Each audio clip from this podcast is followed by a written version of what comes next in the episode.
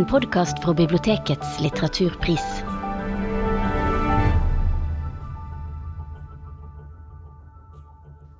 Velkommen til denne podkasten der vi skal presentere én av de ti nominerte bøkene til Bibliotekets litteraturpris 2022.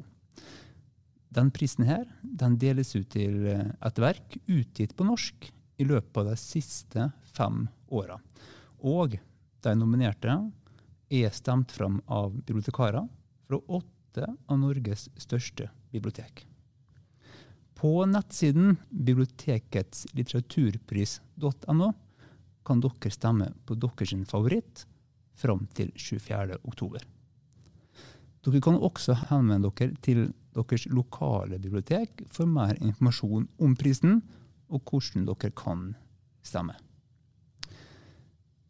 Mitt navn er Lars Petter Sveen, og jeg kommer fra Bærum bibliotek. Og med meg i dag så har jeg Veronica Talgø og Britt Karen Einang fra Trondheim folkebibliotek. Velkommen til Veronica Britt Karen.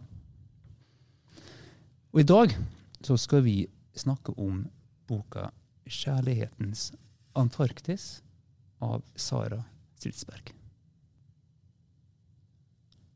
Nå skjærer han det som er igjen av kroppen min, i sju deler og legger restene i to hvite kofferter. Hodet kaster han i dette avfallshullet som har en rosa, spylignende overflate. Det ligger ikke langt unna sjøen, en liten sti gjennom skogen.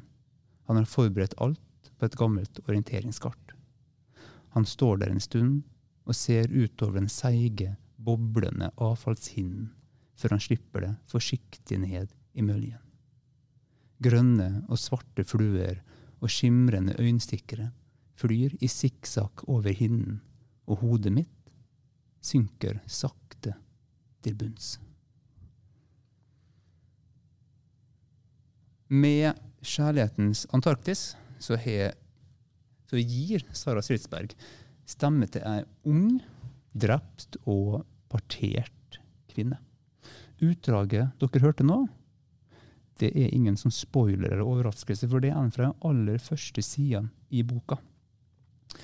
Eh, og mens den kvinnen selv dør, så tenker hun, ser framover, ser bakover. Eh, hun er nesten overvåka de to barna og foreldrene som er etterlatt. Og boka blir sånn et portrett eh, av en ung kvinne. Ei ung kvinne som etterlater seg en verden der hun sjøl ikke lenger er en del. Sara Stridsberg hun er, vil jeg påstå, en av Nordens store romanforfattere. Hun debuterte i 2004 med 'Happy Sally', eh, men hun slo for alvor gjennom med 'Drømfakultetet'.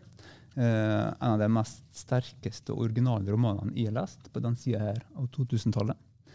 Eh, og siden har hun fulgt opp med flere bøker, før 'Kjærlighetens Antarktis' kom på norsk. Hennes femte roman i 2019. og Den fikk strålende mottakelse når den kom. Eh, selv om noen kritikere det kan vi også ta med, mente at hun liksom glorifiserte eh, det makabre drapet og den tragiske skjebnen til hovedpersonen. Da. Og Det syns jeg er veldig interessant, at en bok kan bli så godt mottatt, og så likevel noen som er uenig likevel. Først, Veronica. Kanskje du sier litt om hvordan er det Sara Stridsberg forteller den ganske vanskelige historien i boka her? Ja, den historien her er fortalt ut ifra dødens synsvinkel, slik det beskrives eh, i boka. Det er en eh, død kvinne eh, som forteller oss sin livshistorie. Eh, denne kvinna hun liker ikke eh, at, vi, at noen sier navnet hennes.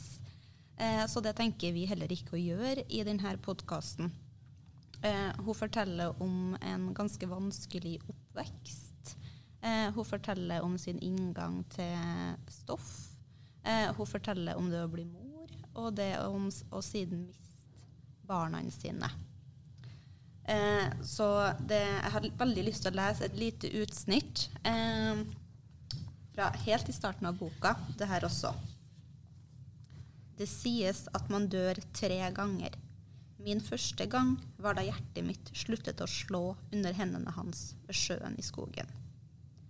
Andre gang var da det som var igjen av meg, ble senket ned i jorda foran Ivan og Raksha ved Bromma kirke. Tredje gang vil være siste gang noen sier navnet mitt på jorda. Så jeg venter på at det skal skje. Jeg skulle ønske stemmene ville stilne snart. Jeg liker ikke å høre navnet mitt. Det kryper som insekter der hjertet mitt pleide å være. Det er jo veldig originalt, det her. da. Hvis det er en vanlig bok, så vil man kanskje liksom sette litt utenfra, men det gjør vi ikke her.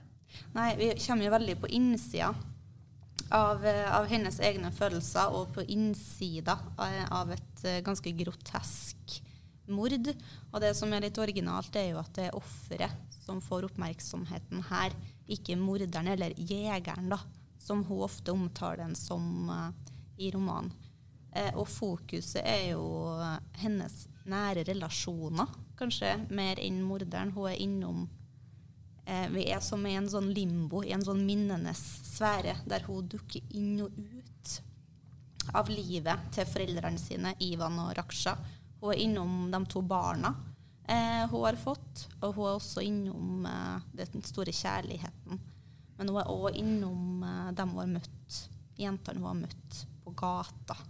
Eh, og boka er jo nesten, det er nesten som å se en film, for eh, hun bruker veldig mye filmatiske eh, veldig filmatisk fortellerteknikk. Det minner om sånn kryssklipping, egentlig. Gjennom hele romanen syns jeg at eh, vi er innom eh, når hun sitter i den bilen med morderen på vei til å bli drept, og så tar vi en pause og er innom noe som er viktig, som har skjedd i livet hennes.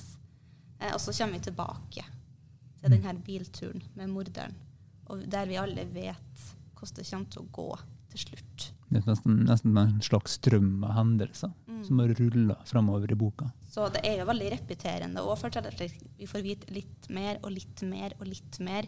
Hun gir oss biter eh, av sitt eget liv. Samtidig så gir hun oss òg mer og mer av denne grusomme mordsituasjonen. Den, og den rytmen den er veldig fin. Skaper ja, en poetisk suggererende rytme i, i boka som er veldig sånn fin, fin å være med på. Samtidig som det skaper jo òg litt spenning eh, når vi merker at vi skjønner at vi kommer til å få vite mer. Vi kommer til å få vite mer og mer. Eh, Men jeg syns også det er veldig sånn når det går litt i spiral, og vi kommer tilbake til mordscenen om og om igjen, så syns jeg kvinner har mer og mer distanse til det som har skjedd, både i eget liv og mordet, jo lenger det er siden. Jo lenger det er siden drapet på seg sjøl, så jo mer refleksjoner kan hun ha om sitt eget liv. Hvordan det skal gå med ungene sine, og hvorfor hun ble myrda, eller hva jegeren på en måte tenkt når det var på en måte han har plukka sine ofre. Det syns jeg også er en veldig sånn fin teknikk av forfatteren. da. Det gjør det jo veldig sterkt, da, for jeg tenker tilsvarende historier blir jo veldig ofte fortalt i krimbøker ofte. eh, Og veldig ofte med en sånn der noe voldsom puls, og man skal finne morderen. Eh, Men ser det som dere har sagt, da, det med at det er offeret, kvinnen, som er liksom i hovedfokus. Og det snur litt om på hvordan vi ser på drap, kanskje. Det snur kanskje litt opp hvordan vi ser på vi tenker krimsaker i nyhetene og krimbøker generelt også. Men da kan vi jo egentlig se litt på Dere har sagt litt om det allerede. Eh, Du Veronica, snakker om den eh, klippinga, strømmen av hendelser og all- alle de skjebnene som blir fortalt fra hun kvinnen. da.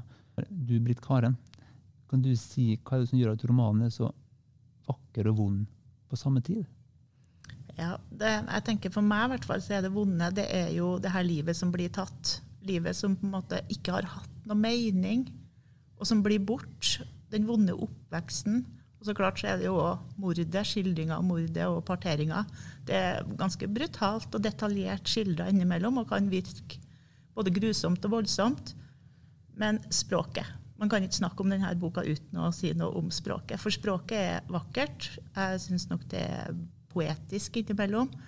Og de skildringene som Stridsberg på en måte får meg til å forstå i denne boka så Jeg er jo med på alt det hun gir meg av skildringer, om det er naturen, byen Stockholm, hvor du på en måte begynner i fugleperspektiv og bare lander i Agata. Jeg jeg er jo helt med. Og kjærligheten mellom mennesker. Den skildres jo også veldig, veldig vakkert. Sjøl om det vonde og det brutale alltid ligger der.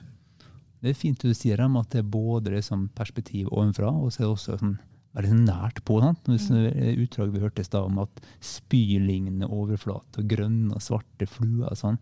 Det blir veldig sånn makabert. Hva, gjør det? Hva, tror, hva tror dere det gjør med oss lesere når vi kommer så tett på liksom, noe som er så vondt og ekkelt på samme tid?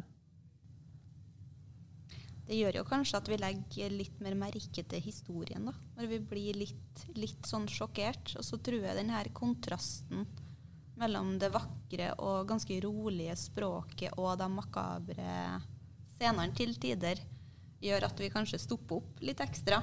Eh, I hvert fall i forhold til andre bøker som tar opp eh, krim og narkotika.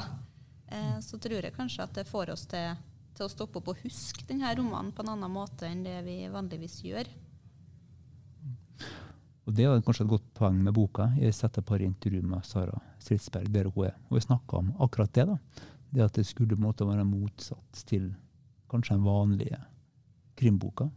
Uh, kan, kan, du si litt mer uh, Britt Karen, om det, det, Hva er det som måtte så Vi snakka litt om at hun er to barn også. Hvordan, er, hvordan kommer liksom det vakre trekke det fram i boka? Hva er liksom håp i boka?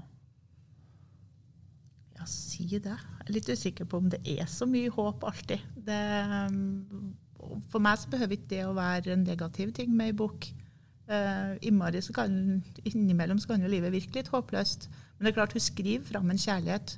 Altså, det er en grunn til at det her Golde Antarktis får også lov å inneholde kjærlighet.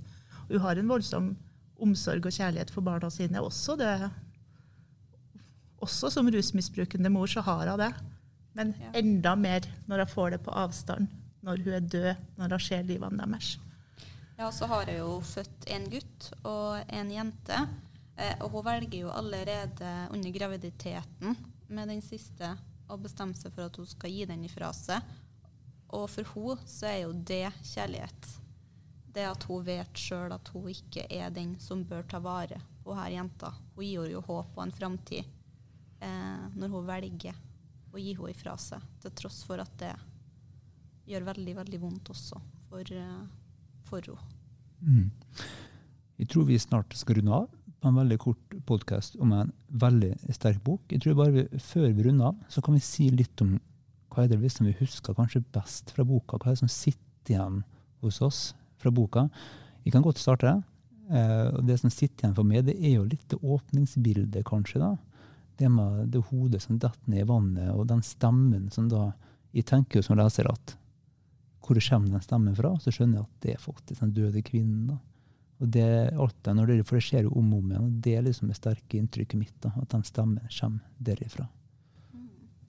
Ja, for meg så tror jeg det var eh, Hun sier jo eh, tidlig i romanen at eh, det beste Ivan og Raksha, foreldrene hennes, har gitt henne, det var lillebroren Eskil. Eh, og hun mister også denne lillebroren eh, mens han er veldig, veldig ung. Eh, og den scenen og opplevelsene hennes eh, etter det, det sitter veldig igjen eh, i meg etter endt lesning.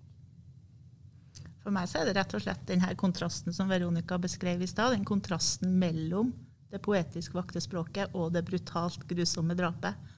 Og jeg tenker at denne kontrasten gjør at boka er nesten større enn de enkelttingene den har i seg.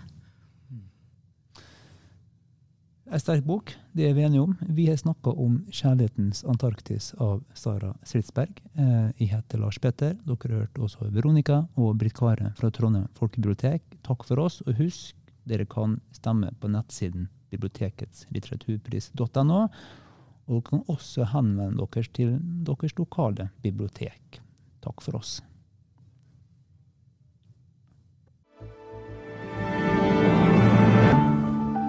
Bibliotekets litteraturpris.